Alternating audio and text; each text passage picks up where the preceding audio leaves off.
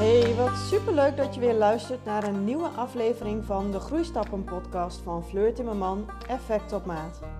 Als perfectionist en gevoelig ondernemer deel ik graag inspiratie en tips over persoonlijke en professionele groei. Ontdek wat jouw volgende stap kan zijn voor een gelukkig leven, vol plezier en innerlijke rust.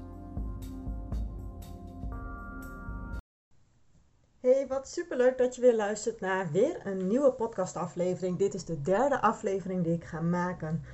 En ik had even wat troubles met de podcast. Ik had hem per ongeluk verwijderd. Ik was overgestapt naar een andere podcast host.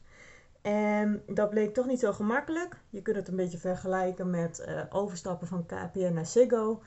En daar ging het een en ander fout. En toen was mijn podcast ineens verdwenen. Dus ik ben uh, uh, vandaag nogal druk bezig geweest met die podcast. Maar hij staat inmiddels weer op Spotify. Dus je kunt gewoon weer alle afleveringen luisteren. Was je nou al een volger? Um, zorg dan even dat je opnieuw weer op het, um, het belletje klikt. Zodat je mij weer kunt volgen. En zodat je automatisch weer een uh, melding krijgt als ik weer een nieuwe podcast upload. Vandaag wil ik het met je hebben over overtuigingen. En um, je overtuigingen bepalen namelijk door welke bril je naar jezelf en de wereld om je heen kijkt. En de bril die jij op hebt, die kleurt jouw gedachten die een situatie bij jou oproept. Deze gedachten die bepalen vervolgens je reactie op de situatie. Nou, je overtuigingen gaan dus niet over wat de waarheid is, maar die gaan over wat jij als de waarheid beschouwt. Het is als het ware jouw eigen waarheid. En jouw overtuigingen die kleuren jouw persoonlijke realiteit. Nou, wat is nou je persoonlijke realiteit? Dat is een soort van formule. Je persoonlijke realiteit is de situatie plus de bril waardoor je naar de situatie kijkt. En een bekende overtuiging en de kracht vooral daarvan is het placebo-effect. Waarschijnlijk ken je die wel. Als mensen ervan overtuigd zijn dat ze uh, van een bepaald medicijn zich beter gaan voelen, voelen ze zich na het gebruik van dat, uh, van dat medicijn ook daadwerkelijk beter. Um, de overtuigingen die het meeste impact hebben op jouw werk en op jouw leven, dat zijn jouw kernovertuigingen. Dit zijn er meestal zo'n 3 tot 5. Um, en deze vormen samen het grootste deel van de kleur van de bril waardoor jij naar jezelf en naar de wereld kijkt. Overtuigingen uh, ontstaan voornamelijk in je verleden. Um, bijvoorbeeld waar je bent geboren en je opvoeding en je cultuur. Maar je overtuigingen kunnen ook ontstaan door de mensen met wie je omgaat en op welke plek je allemaal komt, zoals je werk, hè, daar kom je in aanraking met je collega's, uh, je vrienden en bijvoorbeeld sportclub. Um, overal waar je mensen tegenkomt die bepaalde overtuigingen hebben, die kunnen weer invloed hebben op jouw overtuigingen. Je brein, um, het menselijk brein, die is zo geprogrammeerd dat het zo efficiënt mogelijk wil werken. Informatie en ervaringen worden in je brein, als ze binnenkomen, worden ze geclusterd in een, en ze worden in een soort van um, hokjes gestopt.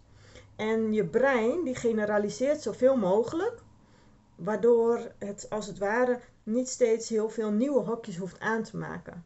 En als er dan nieuwe informatie in jouw brein binnenkomt, dan wordt die als het ware getoetst aan die bestaande hokjes en in een soort hokje geduwd als het enigszins passend is je belangrijkste overtuigingen die uh, zijn ontstaan in je kindertijd.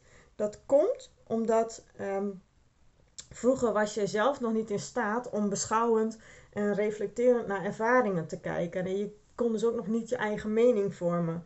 Je geloofde dus daarom ook vaak wat anderen over jou of over de wereld zeiden. Dus dat nam jij voor waar aan. Misschien herken je dat ook wel, zoals je ouders naar de wereld keken of naar andere mensen keken en alles wat ze daarover zeiden, dat nam jij over. En zo sta jij ook, stond jij ook in de wereld. En het kan best zijn dat je die waarden en die overtuigingen hebt overgenomen. Het kan ook zijn dat dat juist hetgeen is waar jij nu haaks tegenover staat. Dat hetgeen wat de overtuigingen van jouw ouders was of waren, dat dat nu uh, juist voor jou een, een, een overtuiging is die je juist niet wilt naleven of na uh, um, uitdragen. Je hebt twee soorten overtuigingen, namelijk belemmerende en bevorderende overtuigingen. Ze spelen allebei een hele belangrijke rol in jouw positie, in jouw persoonlijke en professionele ontwikkeling. En in jouw positie hoe jij in de wereld staat. Hoe jij in de wereld staat, hoe jij in je werk staat, hoe jij in het leven staat. En het mooie aan overtuigingen is dat je ze in de loop van je leven uh, hebt aangeleerd gekregen. Um, eigenlijk zijn overtuigingen niet heel erg leuk dat je die altijd maar aangeleerd hebt gekregen. Maar het mooie daarvan wel is dat je ze ook weer kunt ombuigen. Niet dat het altijd zo makkelijk gaat, belemmerende overtuigingen ombuigen. Maar ja, dat is dan weer mijn overtuiging. Ik weet dat ik een heleboel overtuigingen heb gehad die ik uh, moest ombuigen. Uh, maar daar heb ik wel jaren over gedaan. En ik heb nog steeds bepaalde overtuigingen die ik niet zo makkelijk kan loslaten of ombuigen. Nou, belemmerende overtuigingen over jezelf, daar kan ik wel een paar voorbeeldjes van noemen. Bijvoorbeeld, um, als je denkt, het gaat toch altijd anders dan ik wil. Of misschien herken je de volgende, ik heb nooit geluk. En ik mag geen fouten maken. Of ik ben niet goed genoeg. Of de volgende, ik kan niet veranderen. En een vrij bekende, die de vorige generatie vaak zei, is, hè, misschien heb je je ouders dat wel eens horen zeggen, wie voor een dubbeltje is geboren, wordt nooit een kwartje. Dat is ook wel een hele bekende overtuiging. Wat we ook vaak zien is dat je um, uh, overtuigingen hebt die familiebreed worden genoemd. Bijvoorbeeld, wij als familie, uh, wij zijn niet zulke praters. Of wij zijn maar gewone mensen. Of dat doen wij niet in onze familie. Um, maar je kunt ook algemeen belemmerende overtuigingen hebben over het, het leven in zijn algemeenheid. Bijvoorbeeld, het leven is hard. Of uh, deze ook wel heel erg mooi: geld maakt niet gelukkig. Dat is ook een overtuiging. Nou, ik had vanmorgen had ik een, een prachtig gesprek met een klant. En zij vertelde dat zij vroeger altijd heel verlegen was. En dat werd uiteindelijk ook hetgeen wat haar omgeving van haar ging verwachten. En toen ze op een dag een jongetje een duw gaf, want het jongetje was altijd andere kindjes aan het, aan het sarren en, en vervelend aan het doen. En dat jongetje duwde op een gegeven moment een keer een meisje van de zandbakrand af en zij zag dat gebeuren. En toen heeft ze dat jongetje teruggeduwd. En um, wat er toen gebeurde is dat de meester haar best wel hard aansprak. En vooral de woorden gebruikte: Dit had ik nooit van jou verwacht. Nou, deze woorden hebben tot op de dag van vandaag een enorme impact op de ja, inmiddels volwassen vrouw. Want zij heeft altijd bewust en onbewust zich aangepast aan de verwachtingen van een ander. Want zij kreeg de overtuiging: als ik maar rustig ben en als ik me aanpas aan een ander, dan ben ik niemand tot last. Naast belemmerende overtuigingen heb je ook bevorderende overtuigingen. En voorbeelden daarvan zijn bijvoorbeeld: ik ben handig. Of ik begrijp dingen snel. Of ik kan gemakkelijk leren. Ik ga uit van mijn eigen kracht.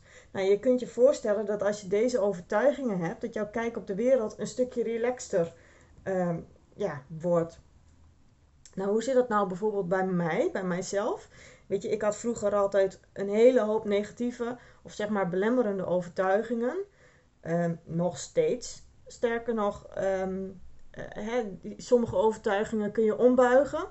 Um, maar je krijgt er vervolgens ook weer nieuwe overtuigingen bij. En zo ben je altijd op zoek naar een bepaalde balans in je overtuigingen. Maar wat bij mij heel erg sterk aanwezig was in mijn overtuigingen, is dat uh, ik altijd dacht: ik moet goed presteren, anders ben ik niet goed genoeg. Of ik moet sterk zijn en niet huilen, anders vinden mensen mij een aansteller. Uh, ik moet sterk en of onafhankelijk zijn. Um, is voor mietjes. Nou weet je, en zo had ik nog best wel veel, uh, veel meer overtuigingen. En uh, dat komt ook voort uit mijn jeugd. Ik ben heel erg prestatiegericht opgevoed. Dus ja, als ik dan dacht, ik moet goed presteren, anders ben ik niet goed genoeg. Was heel erg logisch. Want op het moment dat ik goede cijfers haalde op school, als ik goed presteerde in de sport, dan kreeg ik aandacht en werd ik beloond. Want dan waren mijn ouders trots op mij. Dus ik ging altijd maar om dat trotse gevoel op te roepen bij mijn ouders, ging ik zorgen dat ik goed presteerde. Dat maakt dat ik een enorme prestatiedrang heb gekregen. ik moet sterk zijn en niet huilen. Ehm, ik ben mega gevoelig en ik jank eigenlijk om, om het kleinste en het minste en geringste. En ja, niet iedereen begrijpt dat. En, ehm, en mensen zeggen daar wat van, mensen vinden daar wat van.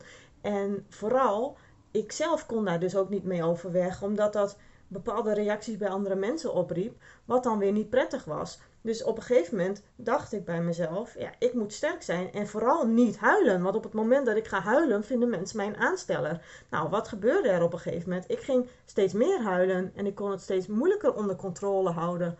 Juist omdat ik daar zo tegen aan het vechten was. Nu omarm ik mijn gevoeligheid en ben ik daar niet steeds meer tegen aan het vechten. En als ik wel aan het huilen ben, dan is dat zo. Dan is dat oké. En dan is dat ook prima bij de situatie, want dat is wie ik ben. Sterk en onafhankelijk zijn is bij mijn overtuiging die nog best wel aanwezig is.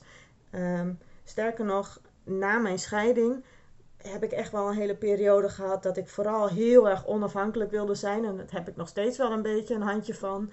En dat maakt ook dat ik niet altijd uh, mijn gedachtegangen deel of uh, mijn zorgen deel of uh, niet om hulp vraag. Want ja, hulpvraag is voor mietjes was ook nog eens een overtuiging van mij. Ehm, daar heb ik echt wel heel hard voor moeten werken om te zorgen dat ik ehm, daarmee aan de slag kon gaan. Maar het is een leven lang leren, hè? Nou, wat ik jou nou wil meegeven is probeer nou eens voor jezelf te ontdekken wat jouw overtuigingen zijn. Weet je, noteer ze gewoon eens allemaal onder elkaar. En alles wat voor jou vanzelfsprekend is, is misschien wel gewoon jouw realiteit. Dus ehm, probeer te, na te denken van oké, weet je, wat, wat, wat is voor mij vanzelfsprekend? Noteer dat gewoon eens voor jezelf. En vooral als je veel negatieve emoties ervaart. Want als, de, als je dat hebt, dan kan dat te maken hebben met jouw overtuigingen en jouw denkpatronen. Als je hiermee aan de slag wilt gaan, dan kun je het beste op zoek gaan naar de samenhang tussen je gedachten, gevoelens en gedrag. Het vervelende hieraan is wel dat je zelf moeilijk doorhebt dat je door een gekleurde bril kijkt. Dus als je er zelf niet uitkomt, probeer het dan eens met een vriend of een vriendin en ga in gesprek samen de opdracht doen bij elkaar. En ga eens met elkaar eens opsommen van hé, hey, wat zijn jouw overtuigingen en wat zijn mijn overtuigingen. Of ja, weet je, je kunt ook gewoon op zoek gaan naar een goede coach. Want um, ja, die kan natuurlijk heel erg op, um, neutraal kijken en weet van oké, wacht even, dit heeft hiermee te maken of dit heeft daarmee te maken. Nou, dit was hem uh, voor vandaag. Um, ik hoop dat jij er in ieder geval één ding voor jezelf kunt uithalen. Uh, belemmerende overtuigingen, bevorderende overtuigingen, overtuigingen die je op jezelf hebt of overtuigingen die Ehm, die je op de wereld hebt, een algemene overtuiging of misschien wel familiebreed. Ik ben heel erg benieuwd. Laat het me vooral ook even weten in een reactie op mijn podcast door een bericht te sturen of te plaatsen op social media. Ehm, nou, laat het me even weten. Ik wens je in ieder geval nog een fijne dag en ik hoop dat je de volgende keer er weer bij bent. Doei doei! Dankjewel voor het luisteren naar de Groeistappen podcast van Fleur Timmerman Effect op Maat. Ik ben benieuwd wat jouw volgende stap is naar een gelukkig leven vol plezier en innerlijke rust. En wat jij van deze podcastaflevering vindt. Laat het me vooral weten door mij een bericht te sturen via Instagram of Facebook. En je kunt daar ook al je vragen aan mij stellen. En ik zou het heel erg waarderen als je mij helpt om mijn podcast te laten groeien, zodat mijn podcast zichtbaar wordt voor nog heel veel andere mensen die ook op zoek zijn naar een gelukkig leven vol plezier en innerlijke rust. Dit kun je doen door mijn podcast een sterrenreview te geven, door te delen op social media en aan zoveel mogelijk mensen te vertellen. Super bedankt en tot de volgende keer!